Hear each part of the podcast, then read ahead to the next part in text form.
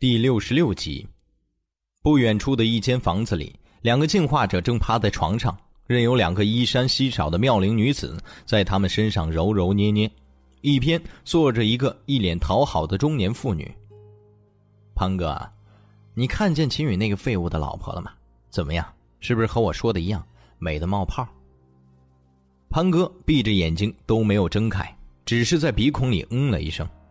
倒是一边的另外一个进化者睁开了眼睛，看着潘哥问道：“真那么漂亮？”潘哥这一次倒是没有拖大，睁眼道：“确实漂亮，不过应该说是非常性感，一等一的美少妇。秦宇那家伙以前就听说过有个漂亮老婆，但我一直没见过，没想到比传言中更美。”听到同伴这么一说，大东呼的一下坐了起来。他身上正给他按摩的女人毫无防备，一下子被掀翻到了地上，头正好撞到了墙上，鲜血瞬间就流了出来，剧痛让他哭了出来，可却一点声音都不敢发出，仿佛没看到这女人受伤一样。大东嘿嘿笑着说：“这漂亮妞，滋味如何？”潘哥也起来了，挥挥手让伺候他的女人扶着同伴去包扎一下，然后才道：“我又没伤。”我怎么知道？不过用脚趾头想想也知道，那味道肯定错不了。混蛋！大东站了起来，急吼吼道：“那你还等什么？走啊，弄一炮去！”喂，等等！庞哥一把抓住了大东，急什么？听我说完。大东一脸不耐烦，搓着光着的上身，不满道：“墨迹是不？好像这种事情你没做过似的。”庞哥眼睛一眯，眼中有一丝怒气，不过很好的忍住了，反而笑着说：“大东啊，你呀就是脾气太急躁。我问你，现在我们得来的这一切是因为什么？以前我是个打杂的临时工，你是个维修工，为什么能够在这里让刚刚出去的那两个艺校的校花给你按摩？受了伤都不敢吭一声。”大东一愣，知道潘哥有话要说。对着自己那个亲戚中年妇女挥挥手，让她出去。因为我们是进化者。等到屋子里只剩下他们两个人，潘哥点了一根烟，才继续说：“我们有着比其他人强大的力量，能够杀丧尸，能够得到魔晶，能够转动轮盘，所以才可以得到现在的位置。但你觉得这样就够了？当然不够。”没等大东回答，潘哥就率先给出了答案。现在基地什么形式你也不是不知道，外面被丧尸和变异的怪物包围了，出去只能通过下水道。可谁知道哪天丧尸就会攻进来？你我都是进化者又如何？能一起对付一千只丧尸吗？我们连一百只丧尸都对付不了，就会被抓伤。大东重新坐下，也点上烟，点头表示赞同。进化者只是在体质上超过了常人数倍，还不能免疫丧尸病毒。被抓上一下，那就是个死字。所以，我们要继续变强。你说的都对，可这些和秦宇的漂亮老婆有什么关系？大东不解，一身的烦躁，恨不得现在就冲过去找那个女人爽快一下。哼，潘哥丝毫没有受到大东的影响，继续他的思路。同是一星进化者，为什么王主任和金大厨就能成为基地的领袖？而我们不能。他们会技能啊，还服用过免疫药剂啊，手下的有人有枪，太厉害了。大东这个还是知道的。对他们会技能，很强大，我们不是对手。潘哥说着，眼睛闭上了，烟雾在他面前缭绕，让他在大东眼中有了些不真实的感觉。基地时刻处于危险当中，一旦发生危险，存活几率也是他们最大。你说是不是？嗯，平时打猎得到的魔晶也是控制在他们的手上。基地一旦发现了什么好东西，也是他们率先得到，我们只能吃他们剩下的。你说对不对？这倒是。基地五公里外的黑脊山上，发现了一个被丧尸和怪兽守着，上面有免疫药剂和技能卡片的轮盘。你应该也听说了吧？基地已经准备对那里动手了。听说了。是有人亲眼看见的，还用手机拍了张照片。金大厨对女人特别是人妻有着异乎寻常的爱好，没错吧？这个是这么说。如果我们把这个女人献给金大厨，他肯定高兴，对不对？因为这个女人太漂亮了，太有风情。那你说，等到基地攻下了那个轮盘，看在这女人的份上，金大厨就算不给我们技能卡，来给两份免疫的药剂，应该没问题吧？我们要是不怕丧尸病毒了，那以进化者的身份，天下之大哪里去不得？那个时候，我们会得到什么？你想过吗？大东越听眼睛越亮，最后潘哥说完，一拍大腿站了起来，浑身都在放光似的，脑子里全是以后大杀四方的畅快场面。混小子，潘哥，你说到我心里去了，就这么办了。走，我们这就去绑了那个女的。东区是新区基地里相对来说比较干净和稳定的一个区域，和北区的混乱形成了鲜明对比。无他。基地里的进化者都居住在这里而已，但是熟悉基地的人都知道，东区里满是普通人的血泪。叶忠明和佳民来到这里的时候，已经是下午三四点钟了。在这之前，叶钟明自己在基地里转了转，把一些道路、建筑还有守卫的情况都摸了一遍。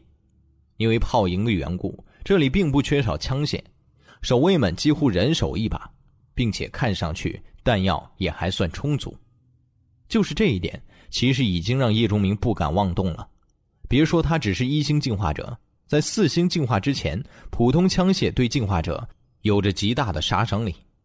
如果遇到成建制的热武器部队，即便是四星强者，甚至五星强者，都要退避三舍。只有成为了六星进化者了，才会让身体对枪械的激活产生一定的抵抗力，但也绝对不是免疫射击伤害。被普通枪械激活的时间长了，也是会被杀伤的。东区这边的守卫比其他几个方向都多，两个人一路深入就碰到了三次巡检，佳明花了半斤碎肉才得以通行。那个人叫黎强，并不是进化者，但以前是个国家级别的射击运动员，末世之后拿到了枪，双枪之下，据说连进化者都近不了身，在东区这边算是创出了名气。手下有不少人，没有进化者，但火力强。据我所知，他的交换条件很可能是进化药剂。说着，佳明看了看叶钟明的脸，发现上面没有任何表情，才继续道：“有很多人都对黎强手中的这张配方感兴趣，比如基地现在的两位领导人，王主任和金大厨。但听说黎强要价太高，所以一直没有谈拢。为什么不抢？”叶钟明突然问。看到佳民愣了，继续道：“王主任和金大厨为什么不抢？黎强的实力应该不如他们吧？”佳民哦了一声：“黎强的实力也不弱，手下的人数超过二百，枪支有一百多条，算是基地内最强的私人势力。并且，王主任和金大厨应该应该没有那么团结。别看他们控制的人好像挺多，但是真正的战士其实比黎强多不了太多。”谁对黎强动手，谁可能就会惨胜之下被吞并。你怎么知道？叶钟明笑着问。我，那个猜的。佳明挠挠头，有些不好意思。叶钟明没再追问什么。现在基地的情况其实并不复杂，至少叶钟明在前世见过，无非就是一个平衡的问题。黎强不知道从哪里弄到了很多枪，实力强，手里有好东西。但还没有好到让王主任和金大厨不惜一切的地步，所以谁也不会动手，至少不会因为这个配方动手。当然，这也只是在王主任和金大厨进化等级低的时候才会出现。一旦他们的实力强大到可以杀掉黎强，他们会毫不犹豫的那么做。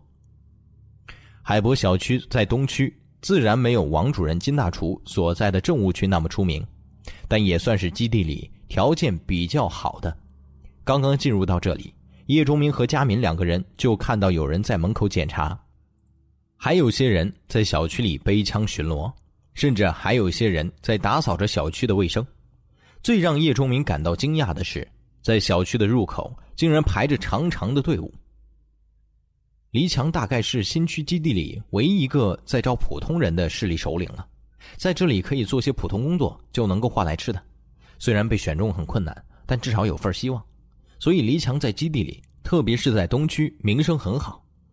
这也可能是王主任和金大厨不对他动手的原因之一。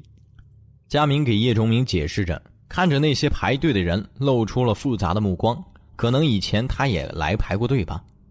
让叶中明稍等一下。佳明走过去和卫兵说了两句，声音不大，但足以让叶中明听到。卫兵听了后，看了看叶中明，点点头后，就让两个人过来搜身。没发现什么之后，就放行了，让一个人带着他们进了一栋别墅里。叶忠明留心着周围的环境，暗自记在心中，以防万一。这已经是他的一种本能。别墅的防卫可就严密多了。叶忠明一看就知道，这种布防只有受过专门军事训练的人才做得来。看来这位黎强手下还是有能人的，也怪不得能够在基地里以不是进化者的身份生存下来。进入了守卫森严的别墅。叶忠明就看到一个有些手下的男人坐在沙发上，正端着瓶矿泉水看着他们，其他人都站在一边。李老大，我们来。我知道。李强把矿泉水扔到了桌子上，打断了佳民的话：“来找我的人还能有什么事儿？无非就是那张配方卷轴，咱们直接就说了，只要你出得起价，那就是你的了。我需要先看看。”叶忠明也不废话，直接提出了要求。黎强勾了勾手指，立刻有人拿过来一台平板电脑。叶忠明眼睛一眯，他看见这个男人手上在指关节部位有着厚厚的老茧，那不是劳动留下的痕迹，而是枪茧。能够留下这么厚枪茧的人，他摸枪的次数比绝大部分的特种军人都要多。这是一个手中有枪就绝对危险的人物。叶忠明在心中给黎强下了定义。平板电脑上有一段短暂的视频，内容正是录制的那张配方卷轴。叶忠明扫了一眼，脸上就有了古怪的表情。李老大，开个价吧。叶忠明把平板推到了一边，看向了黎强。有些面生，我还不知道基地里有你这号人物。黎强一直在观察叶忠明。没有直接说出价格，而是问起了这个问题。刚来基地，黎强盯着叶忠明，几秒后道：“五瓶一星净化药剂。”叶忠明摇头道：“怪不得现在你都卖不出去，你这个价格高的离谱。那是因为我东西好，要是真好，你自己怎么不学？”黎强一听，脸色就有些变了，他的手下也面色不善的看着叶忠明。叶忠明一点都没怕，沉稳道：“因为这个配方要求过于苛刻，你自己学了也弄不全材料，所以你只能出手。我说的没错吧？”李强哼了一声道：“买不起就滚蛋。”叶忠明眯了眯眼睛道：“这样吧，一百枚一级魔晶，你看如何？”你在开玩笑？啊李强站了起来，冲着手下挥了挥。意识再明显不过，你控制着一个轮盘没错吧？叶忠明没管上来要撵他和佳明走的那些卫兵，而是从正在向二楼走的李强喊道：“那又如何？”李强转过身子说：“叶崇明从兜里掏出了一把魔晶，扔向了黎强。这些魔晶足够我转一会儿你的轮盘了吧？”新区基地三个轮盘，除了一个二级轮盘之外。黎强控制着一个一级轮盘，他的那张配方应该就是从轮盘上转出来的。至于为什么金大厨和王主任会任由黎强控制一个，显然是因为配方被转出来之后，这里的轮盘已经和其他一级轮盘没什么区别了，所以不值得为了这个原因刀兵相接。可对于叶忠明来说，这再好不过了。拥有了初级排除术的他，使用越是普通的轮盘。赚到的净化药剂的几率越高，李强想了想，还是点头同意。他手里虽然有枪，但是每次出去狩猎也都不用，因为弹药毕竟就那么多，用一点就少一点他还要留着防备王主任和金大厨，所以想要获得手里的这些魔晶，也是需要付出不小代价的。现在可以平白获得这些，他没有拒绝的理由。更何况占据了轮盘的这几天。他除了转动出来的这张配方之外，运气差得出奇，十几次都没有得到哪怕一瓶净化药剂，让他多少有些人穷志短。这些魔晶足够他再次碰碰运气了。带着叶忠明和佳敏两个人来到旁边一栋楼，就看见在已经停运的电梯间里，一个轮盘正伫立在那儿，发出的微光照亮了周围。黎强和四个手下退后了一些，把轮盘让了出来。佳敏满脸的激动和紧张，他以前只是远远的看到过轮盘，却是第一次摸到这种神奇的东西。叶忠明看了看，这个轮盘因为最好的配方已经被转出去了。所以现在只需要六枚一级魔晶就可以转动，轮盘上的东西除了一星净化药剂之外，也没有其他让人心动的物品。在周围人的注视之下，叶忠明开始转动轮盘，他的身上陆陆续续的积攒了一百多枚一级魔晶，足以转动二十次。在接连使用排除法之后，轮盘就不断的闪动旋转，一样接着一样的东西从奖励盒里掉了出来。包括黎强在内的所有人看的都有点傻，这还是他们第一次看到有人连续转动轮盘这么多次。叶忠明今天的运气还算不错，二十次转动出了三瓶一星净化药剂，平均不到七次就能得到一个。一个手下拽了拽黎强的衣角，对叶忠明的方向示意了一下。黎强面色中有些犹豫，但想了想，还是摇摇头。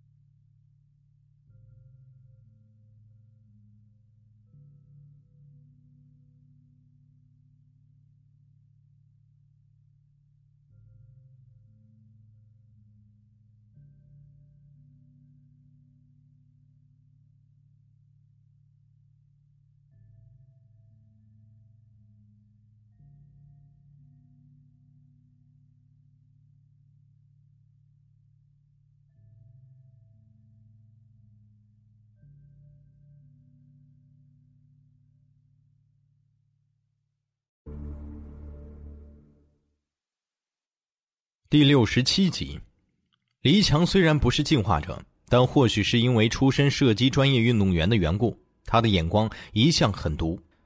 他在那个转动轮盘的年轻男人身上嗅到了一丝危险的感觉。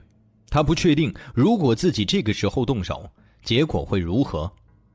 还有一点原因让黎强没有动手，就是他赖以成名的双枪就插在他的大腿两侧，他可以随时抱起发动攻击，但是。那个年轻的男人总是不经意的躲在同伴的身侧，封死了他第一时间射击的角度。黎强从第一枚净化药剂被转动出来之后，就下意识的寻找攻击的机会，但却一直都没有找到。这让他意识到，人家对他早就有了防备，一旦动手没有在第一时间击中目标，那么后果有些不敢想象。黎强很清楚。哪怕最后叶忠明被自己的人杀掉了，但自己如果出事，那么一切都没有意义。所以他没有动手，因为他没有绝对的把握。当叶忠明转过身的时候，对着黎强笑了笑，这个笑容让黎强浑身冰冷。他确定这个男人是知道他和手下之前想要干什么的，人家早有准备。叶忠明走到黎强身边，这让黎强的手下紧张的举起了枪，手掌上是三瓶强化药剂，举在了黎强面前。这种诱惑让黎强不断的在吞咽口水。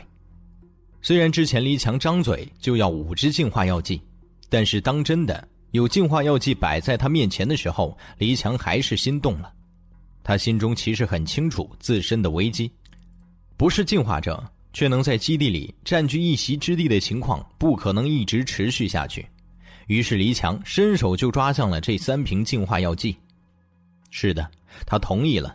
就这三瓶就可以换走配方了，可是叶钟明突然把手又缩了回去，好整以暇的把其中两瓶拿了回去。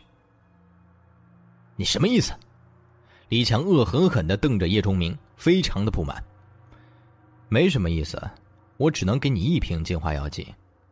叶钟明看着想要发作的黎强，挥挥手，没给他说话的机会，继续道：“外加一把好枪，好枪。”黎强就是个玩枪的，对于枪械有着绝对的痴迷。听到“枪”这个字眼本能的就心动了。不过马上黎强就意识到这个家伙在骗自己，他冷冷一笑：“哼，我什么枪没见过？好枪？难道你有巴雷特？你没见过的东西很多，所以别那么自信。”叶钟明说着，手在后腰处划过，那把被他同志强化过的手枪。就被从空间水晶里拿了出来，黎强等人吓了一跳。这两个人进来之前明明是搜查过的，怎么会还有枪被带了进来？这一下把黎强等人吓出了一身冷汗。要是刚才这个人突然发起攻击，那么现在……不过马上黎强就被这把枪所吸引了，因为这把看起来怪模怪样的枪，竟然隐约发着非常非常微弱的光晕。叶钟明当面。在手枪里面塞进了一颗普通的子弹，然后把枪递给了黎强，示意道：“试试。”李强缓缓接过这把枪，对着外面的一个目标就放了一枪。这一枪之后，这个专业射击运动员出身的男人再也掩饰不住脸上的震惊。这枪威力如此巨大，李强可以肯定，在他活的这几十年里，从未见过一把手枪能够有如此大的威力。那颗装进去的子弹，黎强很肯定就是最普通的子弹，也就是说，这种威力体现的载体就是这把枪。一瓶净化药剂加上这把枪，如果你又觉得行就换，不行就算了。换，黎强几乎没有任何犹豫，就把枪和药剂都抓在了手中，生怕叶钟明反悔的样子。半分钟后，李强把藏好的一张羊皮卷轴交给了叶钟明，双方在互相戒备中完成了这一次的交易。从东区出来，叶钟明脸上就有了忍不住的笑意。羊皮卷轴上写着配方的名字：初级人葵树。相对来说，净化药剂和叶钟明改良过的枪械相比，价值是要偏低一些的。毕竟一星净化药剂更容易得到一些。而工匠的作品却是可遇而不可求。如果是其他的配方，叶钟明宁可付出多一些的净化药剂，也不会随意把改良过的枪械卖给别人。但自从他看到这张配方之后，他就心动了，为此不惜付出了一把灰色级别的手枪。这张换来的初级人葵树的配方和其他普通意义上的配方是有区别的。严格说来，配方会分为两类，一类是职业配方。就是那些和专属职业相匹配的配方，比如工匠的专属配方图纸、战刀、月杀；比如现在还放在叶钟明空间水晶里的远足药水，那是药剂师的专属配方。另外还有一类，就是没有要求专属职业，只规定了材料的配方，这种是谁都可以制作的，只要满足配方上的要求就可以。而这张初级人葵树就属于后者。虽然这种谁都可以去制作的配方对于使用者要求很低，但这样的配方对材料的要求却很高。通常所需材料的总价值，都是同级别的那些专属配方的数倍。就拿这张初级人葵树来说，配方上要求的是：一、将死之人；二、三百毫升丧尸血液；三、血池，五百斤变异动物血；四、五枚魔晶。二级以上，五，一瓶一星药剂。任谁在现在这个时候看到这样的条件，都会头疼不已。也难怪，无论是黎强还是王主任或者金大厨，对这张配方的兴趣都不大。光光是五枚二级魔晶这一点，就足以让普通的一星进化者们望而生畏。这还仅仅是配方上提供的初级人葵术炼制铁狮的所需。如果想要制作另外一种更高级叫做铜狮的人葵，所需要的则更多，更难以获得。叶钟明前世听说过这种配方制作的人葵，甚至亲眼见过其中一种银狮。强大到连六星进化者的叶钟明都头皮发麻，这也是促使他用改良过的枪械换取配方的另外一个原因。虽然要求苛刻，但叶钟明觉得自己还是可以做到的。捏碎配方学习，叶钟明感觉强大的人魁已经在向自己招手了。回到住处，叶钟明直接把净化药剂改良之后给了乐大远一瓶。这让乐大远这个大男人竟然哭了，这也难怪。任谁经历了家属楼里地狱般的几天生活后，对于力量和强大都会充满了无比的向往。这个时候，如果有人可以满足他们的这个愿望，那无疑是会令他们感动的。佳明和大明看得无比羡慕，他们已经发现净化药剂这种对于他们来说想要得到难于登天的东西。在叶仲明看来，就和随处可见的便利店里的一盒香烟，进去就能拿出来。同时，心中就有了念头：如果能够加入到这个团队当中，那么……于是两个人看向叶钟明的目光都变得无比火热。晚饭吃得非常丰盛，叶钟明又给楼顶种植的白菜施展了一次培植技能，让这些已经发了芽的青菜瞬间长高了许多。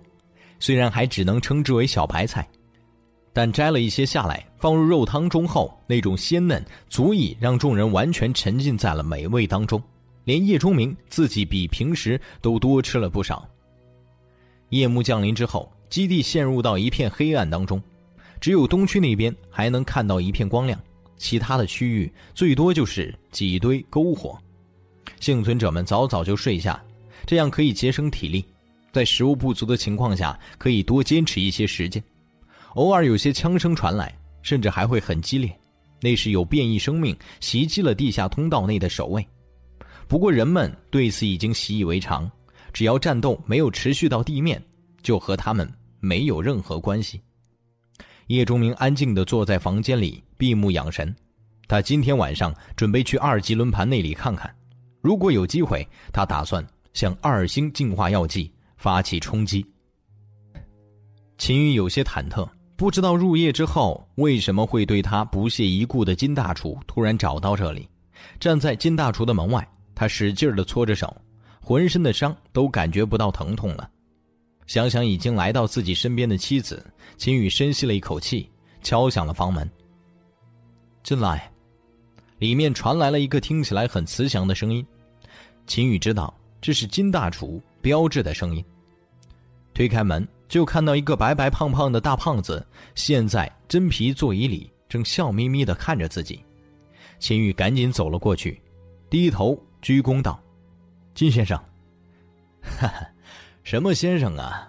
我就是一个厨子，你管我叫金大厨就行了。”这个大胖子哈哈一笑，那蒲扇一样的大手在空中忽闪着，带起一阵阵风。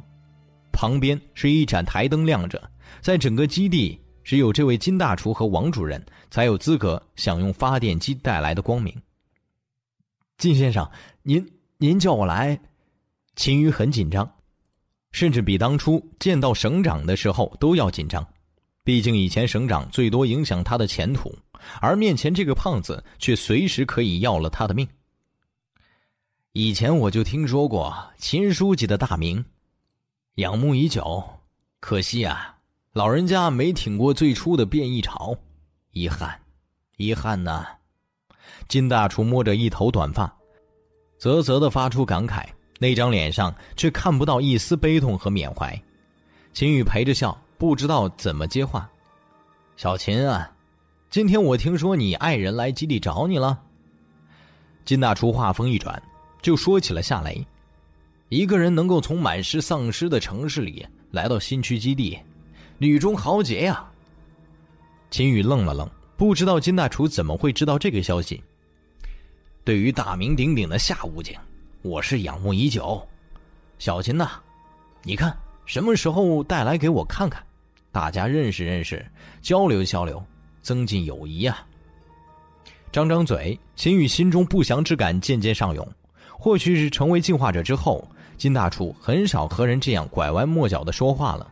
现在说了这么多，就有了厌烦。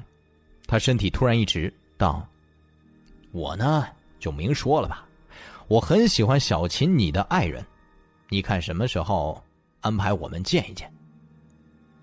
秦宇就是再傻瓜，也知道金大厨的意思了。此刻已经惊得面无人色。这个胖子。看上了夏雷。当世界失去了秩序，人类本身的堕落速度远超想象。秦宇从没觉得有一天会有一个人堂而皇之的站在自己的面前，让他献出自己的妻子。在那个瞬间，秦宇有了冲上去扭断这个该死胖子那和他头一样粗的脖子的念头。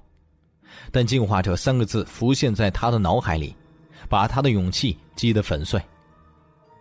如果，如果没什么事情，金先生，我就我我就先走了。秦宇只能用这种方式来表达自己的意见，他甚至都不敢当面的拒绝。滚回来！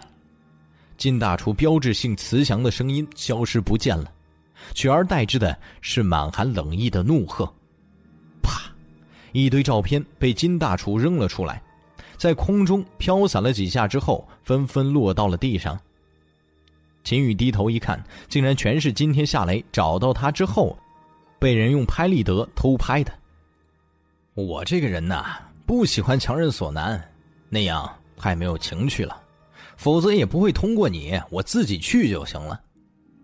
金大厨说的如同喝水一样简单，所以，给你一个选择，要么我宁肯玩一把强的，让你亲眼看着之后把你们都弄死，去西天做夫妻。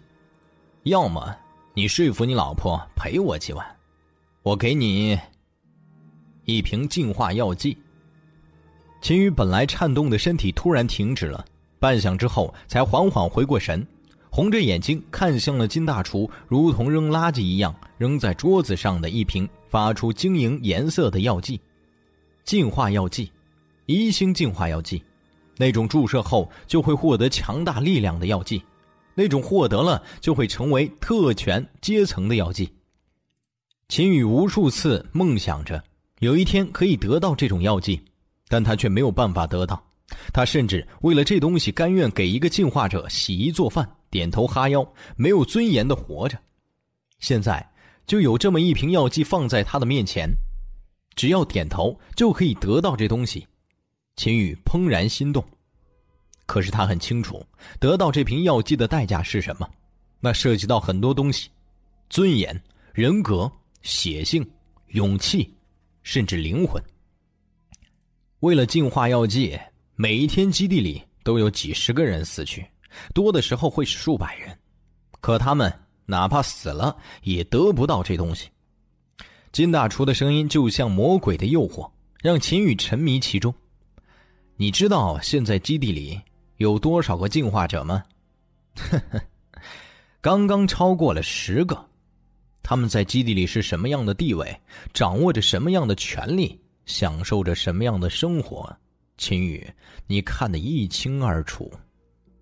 只要你说服你的老婆，那么你就会成为这些高高在上的进化者之一，在这个基地说一不二。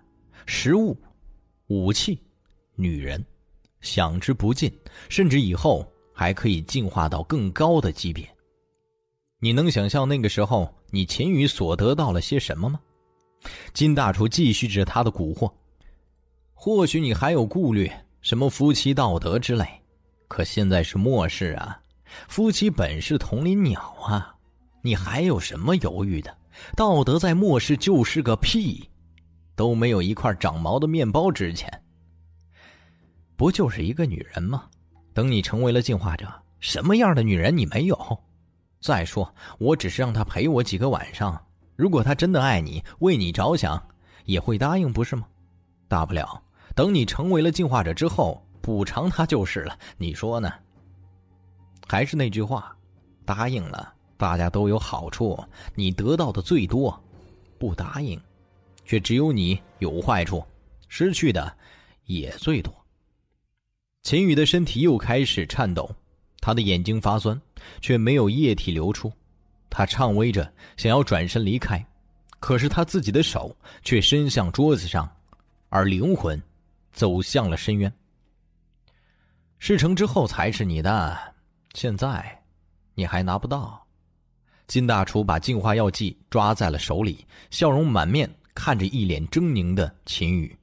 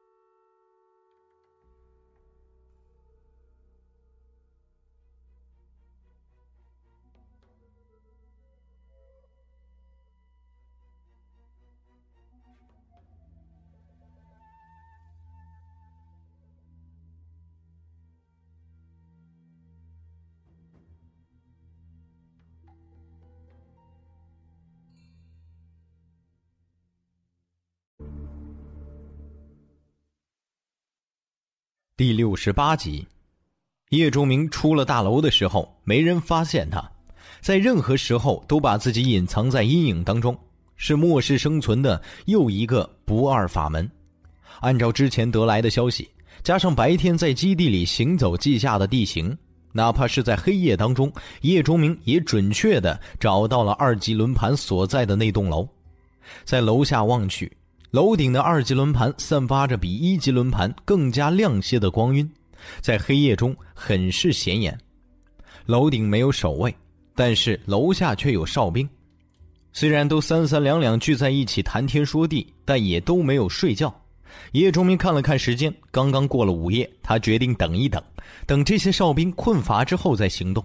他并不是害怕这些卫兵阻止他登楼，他可以有很多种办法轻易的上到楼顶。但转动轮盘的光芒过于显眼，如果可以，他尽可能的不想被人发现。时间就在叶钟明耐心等待中流逝。一个多小时后，那些卫兵纷纷靠在一边睡着了。二级轮盘的守卫远不如一级那么严密，毕竟现在还没有谁能够转动这个级别的轮盘，所以守不守区别不大。只是毕竟现在人们对轮盘还不是太了解，所以才守在这里。以防万一，叶钟明幽灵一样越过这些守卫，进入了楼内，悄然无息的到了楼顶，二级轮盘出现在了他的面前。这还是这一世叶钟明第一次看见二级轮盘。润泽的盘面上，十个区域均匀的分布在那里。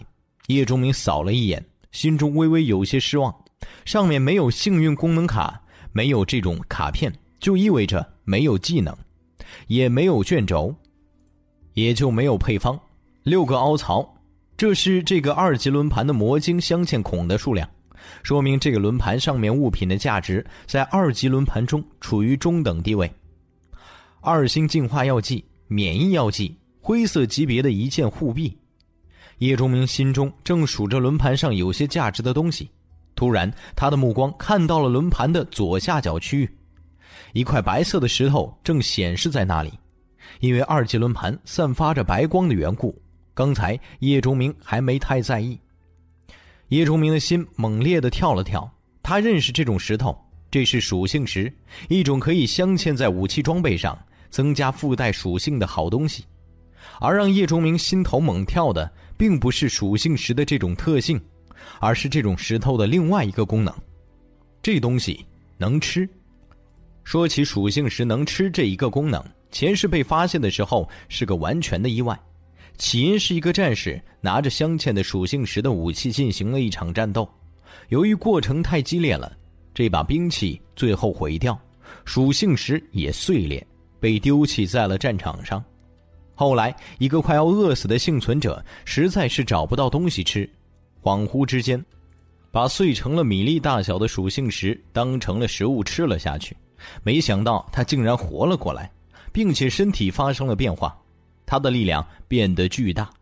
这个属性正是那块被他吃掉的属性石附带的性质。这个消息后来逐渐传开，人们才知道属性石原来不仅仅可以让武器装备拥有额外的属性。吃掉后还可以让人类拥有属性石本身的能力，在前世，这个发现曾经轰动一时。本来价格一直很平稳，基本上总是在工匠之间流转的属性石，一下子成为了抢手货，价格直线飙升。到了叶钟明重生之前，价格已经到了一个匪夷所思的地步，连叶钟明这样的六星进化者都对当时的价格感到绝望。不过现在。这东西的另类作用还没有被发现。如果一切按照轨迹进行，属性石至少还有四五年的时间会寂寂无名，真正的价值不为人知。叶钟明越想，心中越是激动。他觉得这又是一个自己的机会，自己可以趁着其他人不知道这东西作用的时候，大量囤积属性石。当然，这只是一个构想，毕竟属性石即便是在被发现了另类作用之前。价格也是不低的，并且数量也不多。轮盘上虽然偶有出产，可碰到的几率还是很小。以后能不能遇到，基本上还要看运气。属性石很强大，可也有它的局限性，这其中涉及到进化等级的问题。在属性石可以增加人类本身属性这个功能被发现之后，人们对这种石头进行了深入的研究。幸存者逐渐发现，属性石也是有级别存在的，这和它出产的轮盘等级相关。也就是说，从一级到九级的轮盘全部都出产属性石，只是不同的是，一级轮盘出产的属性石只是一级属性石，而九级轮盘出产的属性石，则是最高级别的九级属性石。属性石吃掉之后，对所有人类都有作用，但无疑普通人的效果最明显。因为他们不是进化者，在身体各个方面都处于一个较低的水平，一旦有某一方面提升了，就会特别显著。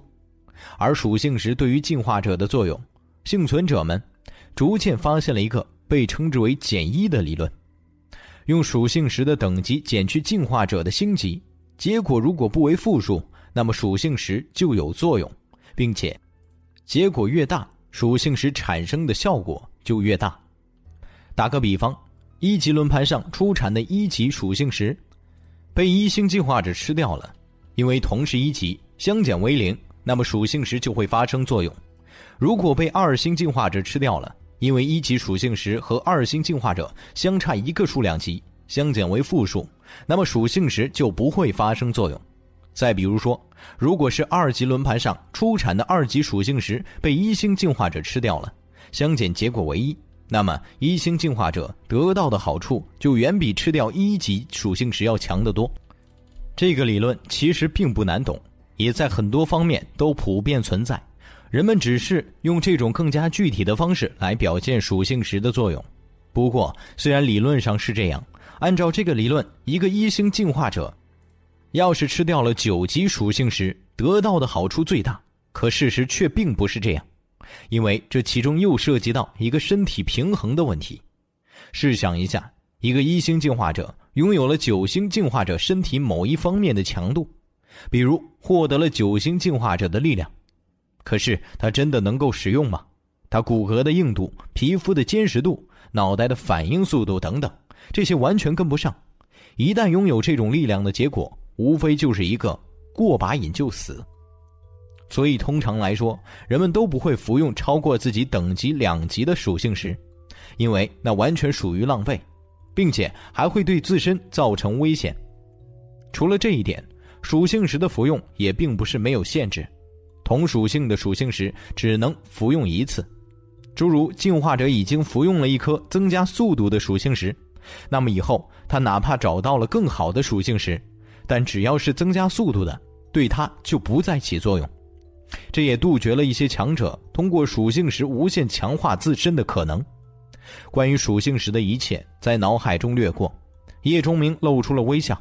他现在是一星进化者，最高限制可以服用三级属性石，可二级轮盘上这个正合适。不得不说，他的运气是不错的。无疑，这个二级轮盘上价值最高的是二星进化药剂，之后便是这块不起眼的属性石。以叶钟明手中二级魔晶的数量，可以转动七次，但因为他还想要制作人魁，需要留下至少五枚二级魔晶，所以叶钟明最多只能转动六次二级轮盘。这六次之中，只要有一次转动到这两样东西中的一个，那就撞大运了。强压住兴奋紧张的心态，叶钟明警惕的四周看了看，发现没有任何异常后，才从空间水晶里拿出从顾潘那里收获而来的二级魔晶，向轮盘的操作台上放了过去。有了动力，二级轮盘发出了微弱的嗡嗡声，开始了它从天而降之后的第一次使命。叶钟明紧紧盯住指针，无比希望能够转动到净化药剂或者属性石。可惜，即便是使用了初级排除术，指针最后还是落到了一个没什么用处的一桶汽油上。咧咧嘴，叶钟明继续开始转动。新区基地的夜空里，二级轮盘转动的光芒不断闪烁。此刻，东区通往外面的下水管道入口处，两个骂骂咧咧的人正从下面钻上来。如果叶钟明他们在，一定会认出。这两个正是白天在市场里见到的，强行把一个女人带走的那两个进化者，岳超和杨世龙。可恶，这娘们儿真不结实，还没过瘾就快没气儿了，害得咱们大半夜还得要出去扔尸体。杨世龙拍打着沾染了一些秽物的衣服，很是不满地说：“这也没办法，现在天气还没冷，扔在基地不说传染病。”那味道也能臭死你！直接扔到墙外，还怕惹丧尸发疯，只能出去一趟了。岳超的话让杨石龙嗯了一声，他也就是抱怨抱怨，抓了抓有些痒痒的下面，就想和同伴建议再去找一个爽爽，可嘴刚张开来，目光就被不远处楼顶的光芒所吸引。杨石龙足足愣了五秒才反应过来，于是基地里响起了他撕心裂肺的喊声。有人在转二级轮盘。夏雷坐在床边，看着外面漆黑的夜，这深沉的黑色，一如他此刻的心情。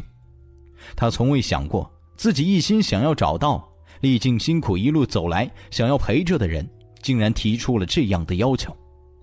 陪人睡觉，夏雷觉得自己的一切都被这四个字击得粉碎。秦宇站在一边，看着一脸冷意的妻子。心中有些后悔，虽然他家世显赫，但在这份婚姻当中，他一直是被动的一方。他初见夏雷就被这个女人的美丽和气质所吸引，利用了家里的权势，设计了一次又一次的偶遇，又主动认识夏雷周围的人，发起一波又一波的攻势。虽然当书记的父亲对夏雷的出身颇多不满，但是毕竟在武警系统，这个女人声名赫赫，甚至。是被作为对外宣传的窗口性人物，在民间有着很高的知名度，所以后来也就没有反对。好女怕郎缠，更何况秦宇努力表现出他最好的一面，学识、相貌、工作等，都是同龄人之中的上上之选。夏雷于是逐渐沦陷，先成为了秦宇的女朋友，后来又成为了他的妻子。虽然婚后，他也发现这个男人身上的一些缺点。诸如过分依靠他的父亲，遇事不冷静、没有主见等等，但毕竟是自己的选择，秦宇也从心底有些畏惧手上沾染了不少亡命之徒性命的妻子，对夏雷的话大都遵从，所以夏雷也安于自己的身份。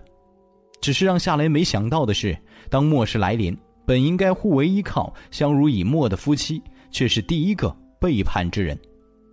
秦宇想要道歉。可是想想进化者的身份，想想那瓶让他朝思暮想的进化药剂，他到了嘴边的话却变成了哀求。阿雷，我知道是我对不起你，可是你也看到现在外面的情况了。如果不是进化者，寸步难行，我们会没有东西吃，没有水喝，到最后，要么生生饿死，要么……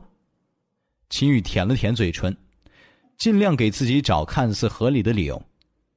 最后还是一样，要，要付出你的，付出些什么才能活下去？既然这样，不如金。金先生诚意十足，可以让我成为进化者。我觉得，我觉得这一切付出都是值得的。感受到夏雷两道冷冷的目光投向自己，秦宇没敢对视，而是略微低下头，继续道：“我保证，等我成为了进化者，我会加倍对你好的。我，我不会嫌弃，嫌弃你。我会忘掉今天发生的事情，以后我们好好过日子。我一定也让你成为进化者。到时候我们……”嫌弃我，秦宇的话没说完就被夏雷打断。嫌弃我，夏雷站了起来，走到了身高和他差不多的秦宇身边，直视着以前觉得挺帅气，现在却无比厌恶甚至恶心的这张脸。你有什么资格嫌弃我？你有什么资格嫌弃老娘？夏雷声音越来越高，到了最后一句，已经是怒吼出来。或许只有这样。才可以发泄他心中愤怒和屈辱，他可以容忍自己的男人懦弱胆小，可以容忍自己的男人遇事慌乱没有担当，可以容忍自己的男人不努力甚至无能，但他不能允许自己的男人为了利益出卖自己。这个时候的夏雷有种自己眼瞎的感觉，他不明白为什么当初自己就会看上这么一个无耻小人。你让我。你让你的妻子去陪别的男人睡觉，还口口声声说不会嫌弃，这些话你是怎么说出口的？激愤之下，夏雷连爆粗口。她终究不是什么柔柔弱弱的小女人，而是一个拿枪拿刀杀过人、见过血的女武警。她的性格中终究有暴力血腥的一面，哪怕婚后她调到了文职部门工作，哪怕她很久不曾再杀过人。但依然不能掩盖他出身暴力机关，曾经身为铁血执法者的事实。一股暴怒之时的气势，让秦宇后退了几步，侧着头不说话。懦夫、废物、垃圾。夏雷嘴里蹦出一个个让他能够痛快的一些词，想以这种方式让自己好受一点。可是越是这样，他发现自己越是感到委屈，眼泪不争气的流了下来。她再强大，也依然是个女人，心中依然把自己的男人看成依靠。可是她的丈夫的行为让她彻底心寒了。转身，夏雷拿起自己的背包就向外走去。秦宇看到一急，一边伸手去拉，一边问道：“阿雷，你去哪儿？我去哪儿都好，总比待在你身边强。你让我恶心，你不能走。不走。”让你送给你嘴里那位金先生吗？滚远点儿！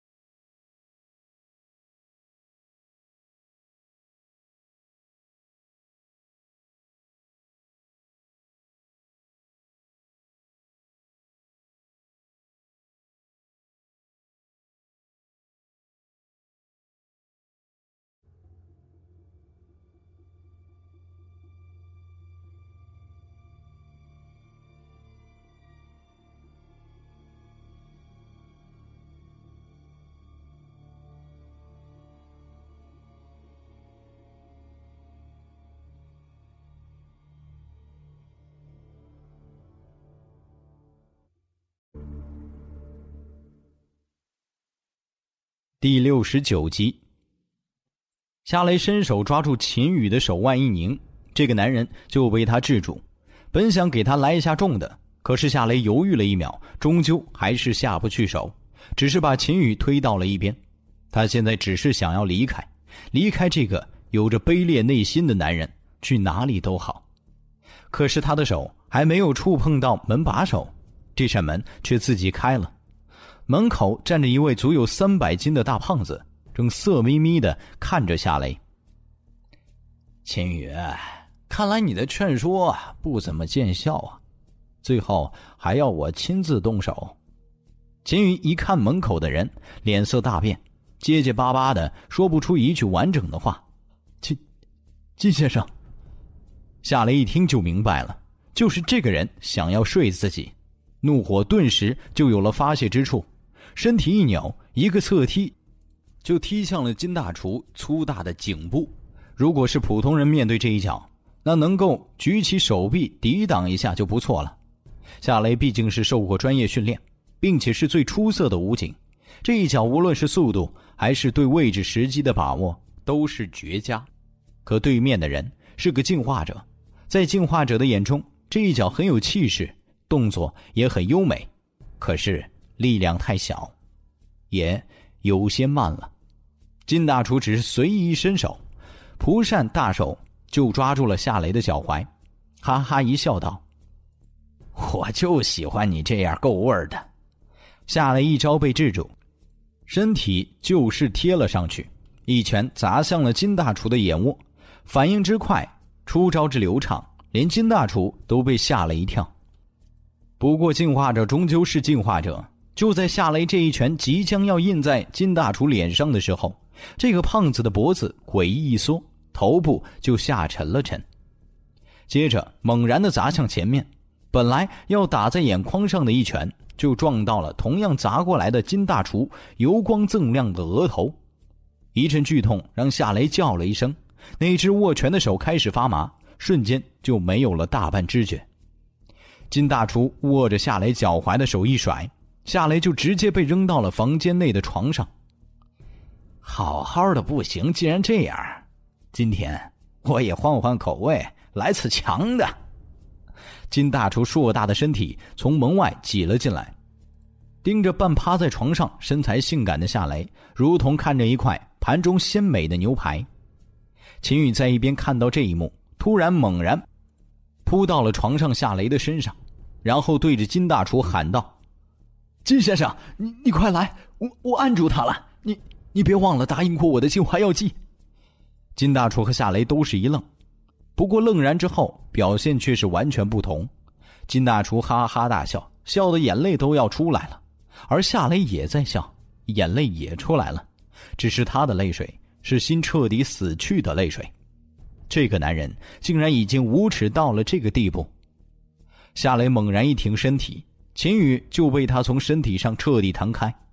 这位曾经在城市黑白两道叱咤风云的女武警，赤红着眼睛，一把撕开了自己的背包，从里面抓起了一管药剂。你是要这个吗？是这个吗？夏雷几乎是在歇斯底里的咆哮：“你出卖你自己的女人，让她陪这个浑身油腻的胖子睡觉，不就是为了这个东西吗？你睁眼看看。”是不是这个？突如其来的变化让金大厨和秦宇都有些懵。等到看到夏雷手中的药剂之时，眼中都多了些东西。金大厨更多的是疑惑，他不明白怎么秦宇这个废物的老婆手里竟然有一支净化药剂呢？更奇怪的是，秦宇竟然还不知道这两个人在搞什么鬼。而秦宇则先是大喜过望。接着又面如死灰，他此刻无比后悔。他一下子想起了今天两个人见面的时候，夏雷和自己所说要送自己一个礼物是什么意思。当时他看到脸色红红的娇妻，还以为是晚上让他随便折腾一下呢。现在想来，应该是送自己这瓶净化药剂。可是自己呢，压根儿就没向这方面想，而是为了这东西出卖了自己的老婆。秦宇悔恨，可他也知道这件事情已经无法挽回。他的所作所为已经彻底堵死了夏雷把净化药剂送给他的可能。想到本应该什么都不用付出就可以得到梦寐以求的净化药剂，现在却鸡飞蛋打，秦宇心中升起了浓浓的不甘心。他愣了片刻，突然向夏雷开始大喊大叫。本就因为被打得有些肿胀的脸，因为吼叫已经完全变形。你这个臭女人，你手里有净化药剂，为什么不说？为什么不早说？你不想给我是不是？那你现在还拿出来干什么？你拿我当过你的丈夫吗？以前你就对我呼来喝去，现在你还为了一瓶净化药剂和我藏私？我真是看错了你，你，你，你个贱人！夏雷惨然一笑，面对这个颠倒是非的男人，他已经没什么可说的了。你果然无药可救。说完，手里的净化药剂就向着自己的手臂上扎去。夏雷虽然心都碎了。但他毕竟心理素质很好，他深知，如果自己不马上成为进化者，那么今天他就逃离不了被侮辱的命运。金大厨一看夏雷要用净化药剂，哪里还会让他得逞？之前当夏雷拿出净化药剂的时候，他知道自己今天运气好的不得了，不仅仅可以得到一个万种风情的美少妇，还能白得一瓶净化药剂，这种事情可不是每天都能遇到的。他硕大的身躯无比快速，几乎眨眼时间就到了夏雷的身边，大手向着那管净化药剂抓去。他有信心，哪怕是这个女人开始躲闪，他也最多用上几秒钟就能制服他。也就在这个时候，窗外传来了一声惊天动地的吼叫：“有人在转二级轮盘！”这句话如同一道从天而降的闪电，直接把金大厨劈呆住了。有人在转二级轮盘。二星进化药剂，二星进化者，更加强大的力量、实力、危险、基地控制权等等诸多的念头涌上了金大厨的脑子。他意识到出大事儿了。和赶到轮盘处相比，这里的事情已经微不足道。金大厨怒吼了一声，直接从距离他不远的窗户就撞了出去。落到外面地面上之后，那张平时笑呵呵的大嘴里发出了连续的大喊：“集合！全体集合！目标二级轮盘，所有卫兵全部去那里集合！不管是谁在转动轮盘，抓住他！抓住他！”整个基地因为这些怒吼瞬间从睡眠中惊醒，各种声音汇聚成了一股巨大的轰鸣，在整个基地中震荡。身在楼顶的叶钟明自然也听到了，心中暗骂了一句，知道今天自己运气不好，被人发现了。可他身体一点都没动，目光中满是坚定。他要把这几次转动机会都用光。他如果现在就走，他相信被人发觉的机会很小。可是叶钟明同样知道，一旦错过了这个机会，以后这里的防护会无比森严。再想找到转动的机会，除非他控制了这个基地，否则难如登天。初级排除术一次次的使用，指针在轮盘上一次次的转动，那带着固定节奏的转动产生的同样节奏的光芒，让已经快速向这里赶的金胖子和王主任心急如焚。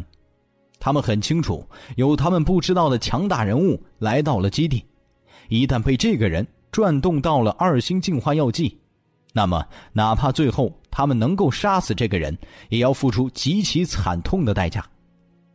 叮咚，叶中明眼睛一亮，一把就把奖励盒的东西抓在了手上。那是一块雪白的石头，属性石终于被他转了出来。此时，身后通往楼顶的楼梯处已经传来了密集的脚步声。距离这里不远处的一段城墙之上，也有一盏探照灯猛然打开。射向了这里，叶钟明甚至都听到了机枪开栓的声音，但是还剩下最后一次没有转动。不许动！最先冲上来的一个人已经在背后举起了枪，而叶钟明也把最后一枚魔镜放了上去，轮盘再次转动了起来。指针从一个个奖励项上掠过，速度逐渐变慢，看势头竟然是奔着二星进化药剂去的。叶钟明甚至听到了自己的心发出迥然于常的砰砰跳动。楼梯处第一个出现的那个枪手也被轮盘的指针所吸引，枪虽然还对着叶钟明，可是目光却紧紧的追随着指针。金大厨和王主任几乎同时从入口处冲了出来，他们的身后跟着各自向他们效忠的进化者。四周的城墙和高楼之上，探照灯和强光手电筒之类的照明设备，在这一刻也全然不顾稀少的电量，全部投向了这里。在这一刻，新区基地里，凡是能够看到这里的人，目光都集中到了。这个现在对他们来说还是可望而不可及的二级轮盘之上。叮，悦耳的奖励声响起，那些关注的目光在这一个瞬间变得火热。叶仲明却已经把手伸到了奖励盒里，一把抓住了里面的东西，是二星药剂。杨世龙仿佛看到了什么匪夷所思的事情，嘴里发出了和刚才一样的大喊，因为激动，声音都走了板。变得高亢而刺耳。进化者，在这几天的新区基地里，已经成为了最热的一个词，因为在丧尸遍地、变异生命四散的世界里，这三个字意味着活着，更好的活着。在见识了进化者的种种特权之后，所有幸存者都对成为进化者有了近乎偏执的欲念，这种念头会随着末世的深入而变得越来越疯狂。而已经成为进化者的人，则对身体里突然涌出的力量无限执迷，他们尝到了这种力量带来的好处，从而对更加强大的力量有着比普通人更强烈的欲望。当二星进化药剂出现的时候，他们的眼睛红了。此刻，他们心中只有一个想法：抢，杀了他！金大厨和王主任几乎同时从嘴里喊出了这句话。周围的士兵也在这个瞬间扣动了扳机，金属风暴在这一刻在这个楼顶无情肆虐。叶钟明和其他人一样激动和兴奋，只是他终究见识过这些，所以压根儿就没有耽搁哪怕一秒。抓住二星净化药剂之后，就闪到了二级轮盘的背面，这让他在第一时间来到了这一侧楼顶的边缘。这个时候，后面枪声大作。轮盘是不会被损坏的，至少叶钟明重生之前还没有什么东西可以做到。现在这些密集的子弹自然也不行。不过叶钟明知道自己身处险境，后面的那些士兵马上就会找到角度射击，他必须做出应对。于是叶钟明直接跳了下去。金大厨和王主任手里拿着枪，越过了轮盘向下一看，下面黑乎乎的。但是以他们的目力，还是看清了根本没有人掉下去。他们马上意识到，刚才跳下去的那个人不知道用什么办法进入了这栋楼了。搜搜，一定把他给我找出来！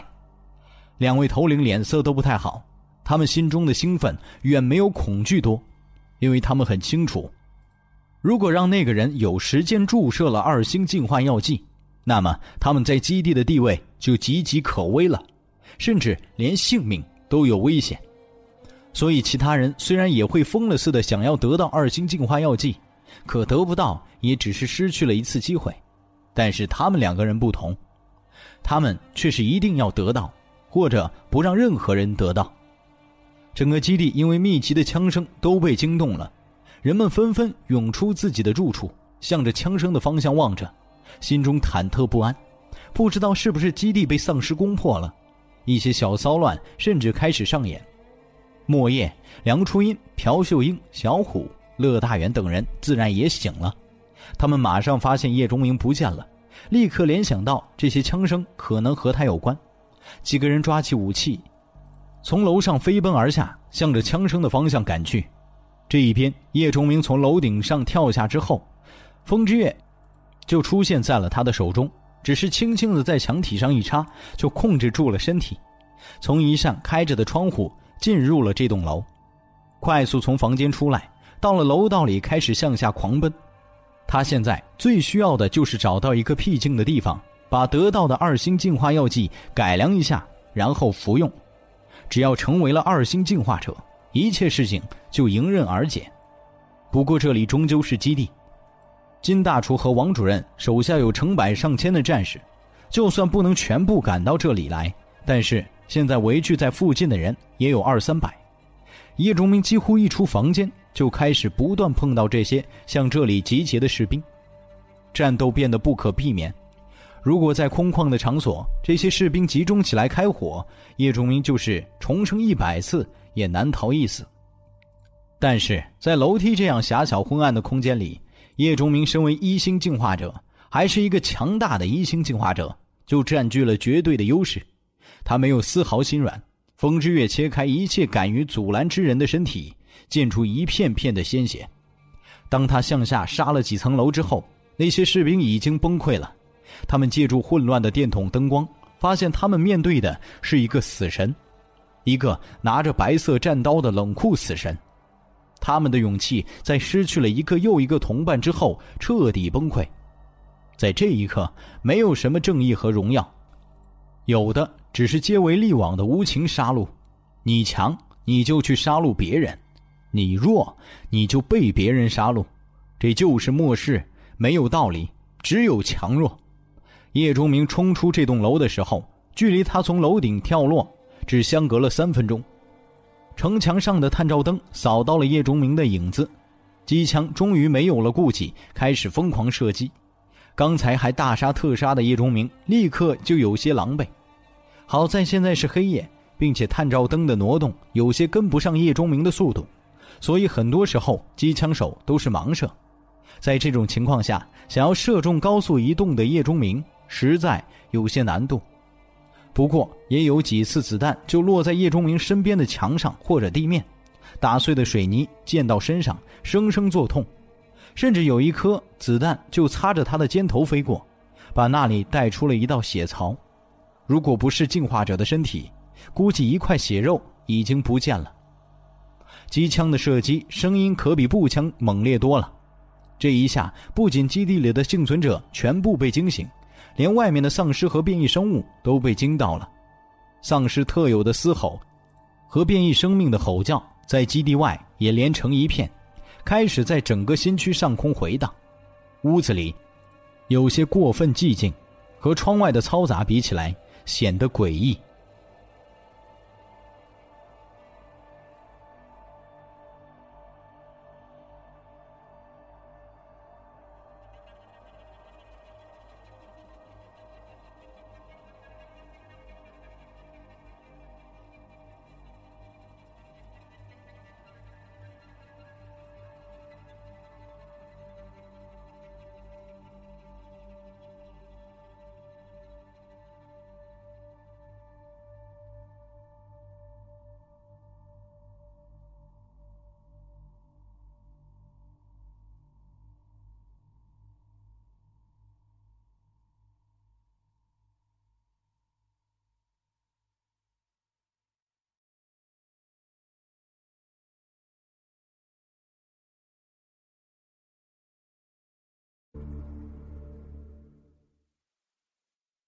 第七十集，秦羽捂着肚子蹲在那里，眼中满是怨毒。刚才他想抢夺净化药剂，可是却被一只手臂还不能动的妻子，或许称之为前妻更合适，一脚踹飞。夏雷望着净化药剂，脑海里是如何得到这瓶药剂的过程，是那个他一直看不上眼的，觉得他的心都是黑的的年轻男人给了他一瓶净化药剂。的确，他帮了那个男人的忙，可条件只是把他送到新区基地。这瓶药剂完全是白送。夏雷觉得这件事情特别的讽刺：一个和自己毫无关系，只是做了一场交易的男人，可以白送一瓶净化药剂给自己；可是和自己领了结婚证书、本应该互相守望的丈夫，却为了净化药剂把自己卖给别人。为什么事情一旦有了对比，就残酷的如此令人发指呢？夏雷听着外面的枪声和骚动，闭着眼睛，缓缓的把净化药剂注入到了自己的身体当中。秦宇则在一边牙眦欲裂，在他看来，这瓶净化药剂应该是他的。一股说不清道不明的感觉开始从身体里四散开来。本来麻木没有知觉的手臂已经完好如初，并且充满了力量，整个世界变得清晰而生动，甚至夏雷都听到了外面那些人吵嚷，是因为有人转动了二级轮盘，并且那个人现在正在被追击。进化过程快速而稳定。当夏雷睁开眼睛的时候，他知道自己成为了一星进化者。变得良好的目力让夏雷在子弹划过黑夜形成的一道道火线中，发现了一个不断变速奔跑的影子。他的嘴角不自觉地露出了一丝微笑。以前他总觉得这个男人这儿也不好那儿也不好，做事冷酷，待人冷酷，甚至连吃饭都酷酷的。但是现在他想起了那些这个男人对自己说的话，心中产生了深深的认同感。或许人就是这样吧，总是在受到了教训之后，才会想起以前被当成放屁，现在看来是金玉良言的一些话。秦羽眼睁睁看着那瓶净化药剂被夏雷注入了身体，他知道自己没什么机会了。曾经的政治智慧让他立刻开始考虑以后的事情。既然净化药剂没戏，那么是否可以让已经成为了净化者的妻子为自己做些事情？秦宇的心思顿时就活了，他忍着腹部的疼痛站了起来，脸上露出了他自认为最迷人的笑容，张嘴想要喊夏雷的小名。以前他惹夏雷生气的时候，只要这么做，总会被原谅。可是没等话出口，迎接他的是一个脆生生的耳光。夏雷没用力，可是依然把秦宇本就有肿胀的脸打得更加肿胀起来。从今以后。我们恩断义绝，再和我废话，我宰了你！秦宇捂着脸，懵在当场。你干什么去？看到这个身材妖娆的妻子向外走，秦宇还是忍不住开口询问。夏雷回头冷冷一笑。我突然发现，有些人比你更值得我追随。叶钟明躲在一栋楼的背面，平息着自己火辣肺部剧烈的喘息。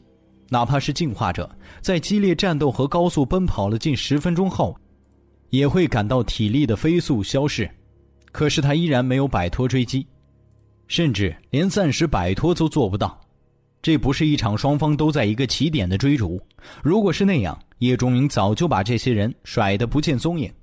这是一场深入虎穴的逃亡，前后左右每一个方向都是敌人，还都是全副武装的敌人，一个班的火力交叉。就可以让没有逼近的叶钟明退走。这个时候，叶钟明不由得有些想念前世那些可以防范普通枪械的装备：避弹衣、冰水罩、防弹玉佩、空气扭曲手环等等。如果有了这些东西中的一样，叶钟明就可以顶着到处横飞的子弹，把敌人屠戮一光。或者给叶钟明十分钟，他会花一半的时间改良二星进化药剂。然后再用五分钟时间完成进化，毕竟二星进化和一星进化不同，越是高等级的进化需要的时间越久。叶钟明前世六星进化的时候，整整睡了一天才完成。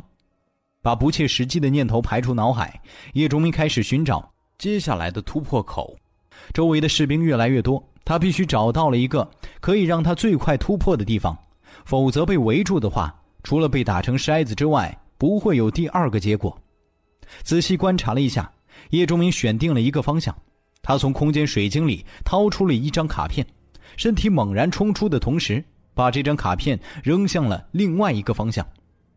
地狱犬召唤卡，那张珍珠湖战斗的战利品。召唤卡是末世中非常流行的一种增加即时战斗力的卡片，是最受欢迎末世商品之一。可以瞬间增加幸存者的实力，无论是战斗还是保命，无论是攻坚还是防御，都有着极大的作用。召唤卡自然也有好有坏，这主要取决于召唤出的生命是什么。比如最普通的召唤卡可以召唤一个石头人，除了力气大一些之外，就是皮糙肉厚了，主要用于防御的时候。比如有一种可以召唤传说中神物的卡片——火麒麟召唤卡。八岐大蛇召唤卡之类，就可以召唤出强大的生物为你作战，那是末世最顶级的物品，价值连城。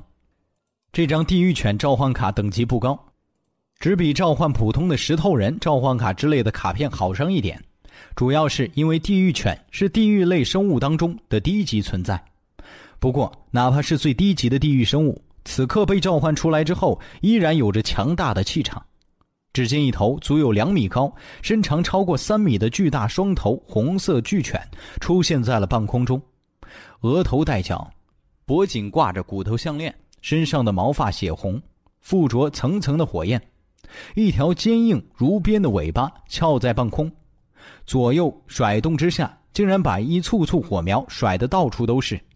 一双血红的眼睛如同沸腾的岩浆，只在最中央有两点互应的黑色瞳孔，里面全是嗜血的欲望。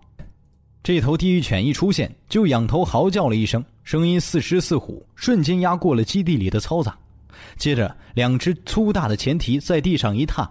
一圈火焰就从地狱犬身下开始向周围飞速蔓延，形成了一道道代表死亡的火焰涟漪。地狱生物绝大多数都属于火焰属性，地狱犬虽然是其中低级的存在，也继承了这一特性。这一圈火焰涟漪向着四周扩散，速度看上去不快，但实际上却比人类的急速奔跑都要快速。这些追赶叶钟明的士兵。看到一头浑身燃烧着火焰的怪物出现，本就有些惊恐愕然。当发现这一圈火焰冲着他们而来的时候，犹豫间又在等待命令，这一下就失去了逃开的机会。火焰涟漪无情地掠过周围没有跑开的士兵，他们的身上立刻就燃烧了起来。火焰是和地狱犬身上一样的让人恐惧的血红色，嚎叫立刻突兀而惨烈的响起。让那些幸运躲过一劫的人都能深深体会到这些被点燃的火人此刻撕心裂肺的痛苦。这些惨叫没有持续多久，只有短短的几秒钟，因为没有人可以在这种火焰当中坚持得更久。火人们在瞬间就变成了一道道黑灰，仿佛在这个世界上根本就没有存在过。本来四周围上来阻截叶钟明的人足有一二百。被地狱犬这一道火焰涟漪就足足烧死了三十几个人。突如其来的怪物发动了突如其来的攻击，让不少士兵惊恐后退。他们清楚的看到，刚才有一个进化者也没有躲避过去，被生生的烧死。连进化者都扛不住，他们又怎么可能抵挡？于是，本来缩小的包围圈一下子扩散开来。叶钟明没有停留，他知道地狱犬坚持不了多久。甚至都没有去观察地狱犬这一道火焰的战果。他飞奔出去的身体，在路过一棵已经被饥饿的幸存者扒了皮、已经完全枯死的大树的时候，手指一点，一个木巨人就出现在了他的身边，无声嘶吼着朝着一侧的士兵冲了过去。这还没完，叶钟明前冲的身体又在一个路灯上点了一下，立刻一个金属人出现了，朝着另外一个方向狂袭而去。就这样，叶崇明一边跑一边把周围的石头、金属、树木等用初级凝幻术变成召唤生物，帮助自己抵挡子弹和吸引注意力。这些召唤物，叶忠明付出的精神力很低，只维持在激活技能的最低标准，耐久度基本上都在五左右，被子弹射中几下就消失不见。不过这些怪物还是让附近的士兵受到了惊吓，纷纷把枪口。对准了他们，而不是叶钟明。这么好的机会，叶钟明自然不会放过。他片刻之后就冲出了包围，消失在了黑暗当中。这一边，地狱犬刚刚威风凛凛地烧死了不少人，挡住了叶钟明身后的追兵。双头上的两双眼睛看着四周，颇有些睥睨天下的样子。不过，人类的攻击却并没有停止，金属风暴几乎瞬间就集中在了这头地狱犬身上。没办法，他浑身燃烧着火焰的样子，在黑夜当中就是一盏明灯，比刚才二级轮盘转动的时候都要耀眼。身体又大，超过一大半的子弹都攻击在了他的身上。虽然非人生命对枪械的抵御能力超过人类好几个等级，但是在这种上百支枪的集火当中，地狱犬在发威之后还是被打得连连后退。甚至其中一个大头上的角都被打断，从里面流出了岩浆一样的火色粘稠液体。地狱犬愤怒的仰天长啸，身体突然开始助跑，接着猛然一窜，就跃进了人群之中。哪怕是受了伤，他的速度也远超人类。干掉他！干掉他！金大厨和王主任就在这群人当中，他们手里各自拿着不同的武器。金大厨拿着一根粗大的铁棍，上面有着淡灰色的光芒；王主任则拿着一条铁链，同样是灰色级别的武器。两个人带着进化者追击，却遇到了这一头地狱犬。他们都发现那个拿走二星进化药剂的人已经消失不见。如果他们不能马上干掉这只恐怖的怪物，他们可能就彻底失去找到人家的机会了。两个人都红了眼，带着手下的进化者开始和地狱犬拼起了命。如果一定要说地狱犬等级，它的实力大概在一星进化者和二星进化者之间，只是因为它的火焰特性，碰到没什么技能的二星进化者也不会太吃亏。仅论实力，金大厨或者王主任中的任何一个。碰到地狱犬，就算不被吃掉，也要落荒而逃。可是现在他们在联手，又有不少进化者在帮忙，其他的士兵更是已经把地狱犬打伤。在这种情况下，他们占据了优势。地狱犬冲入人群之中，和刚才那一道火焰涟漪一样，引起了人类的惊恐和闪避。可是人类渐渐发现，只要不碰到地狱犬的身体，那些火焰并不能造成什么伤害。于是人类的胆子渐大，加上了又有数个进化者挡在前面，不时的有人近距离的放冷枪，攻击的地方都是要害和关键部位，比如眼睛、耳朵、关节甚至腹部。这样地狱犬在杀了十几个人后，也付出了惨痛的代价，被打得遍体鳞伤，最后一个不注意，被金大厨一棍砸在了左侧的头上。巨力之下，地狱犬终于力竭。被打得趴在了地上，挣扎了好几下都没有站起来。一个进化者看到有便宜可占，冲上去就用手中粗钢筋磨尖制成的长矛给地狱犬来了一下，铁矛刺入地狱犬的眼睛，直插脑颅之中。地狱犬的身体剧烈的抖动了一下，身上的火焰迅速的暗淡。这个进化者得意一笑。虽然战斗的时候是有灰色级别武器的金大厨和王主任顶在最前面，但是最后一击依然是种荣耀，以后也有了吹嘘的资本。但是突然他感觉周围的气氛不太对，余光一扫，看到周围的人纷纷后退，很多人嘴里在喊着什么，可他却什么都没有听到。他惊恐的四望，突然发现不知道什么时候，一条火焰线从地狱犬的身下蔓延到了他的脚下。并且已经点燃了他的身体，直到死亡的前一刻，这个进化者才明白，不是别人在无声的呐喊，而是他被烧的已经失去了感觉。看着一个手下瞬间死亡，王主任脸色非常难看。刚才那个被火焰涟漪烧死的进化者就是他的手下，现在又死了一个，让他的实力大损。算上他自己，己方势力只剩下三个进化者了。金大厨也没怎么得意，他知道这个时候是和王主任同仇敌忾之时。他看了看王主任，微微一点头，就继续朝着叶钟明消失的地位追了上去。今天晚上一定要有一方被杀死。叶钟明跑出了东区之后，发现整个基地都乱了套，很多幸存者都以为丧尸攻了进来，和没头苍蝇一样到处乱跑。不少人甚至开始趁火打劫，抢夺别人的食物和水，抢夺别人的魔晶，甚至开始杀人放火、淫辱女人。哭声、喊声、哀嚎、怒吼，各种声音让整个基地陷入到了彻底的混乱。迎面遇到不少人，他们带着紧张和绝望，没有目的的四散奔逃，不时的有手电筒或者还有些电量的手机电筒扫过，却丝毫起不到照亮的作用。反而让人们在偶尔看清了周围之后，更加的焦躁不安。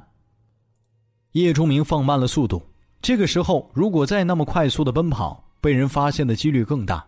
他不知道地狱犬能够阻挡几百全副武装的士兵多久，但是他知道，只要自己现在不被发现，那些士兵再也抓不到自己了。这些混乱的人群就是自己最好的掩护。枪声突然在不远处响起。叶钟明回头望了望，发现金大厨等人已经追了出来，可是迎面遇到了人群，队伍一下子就陷入了进去。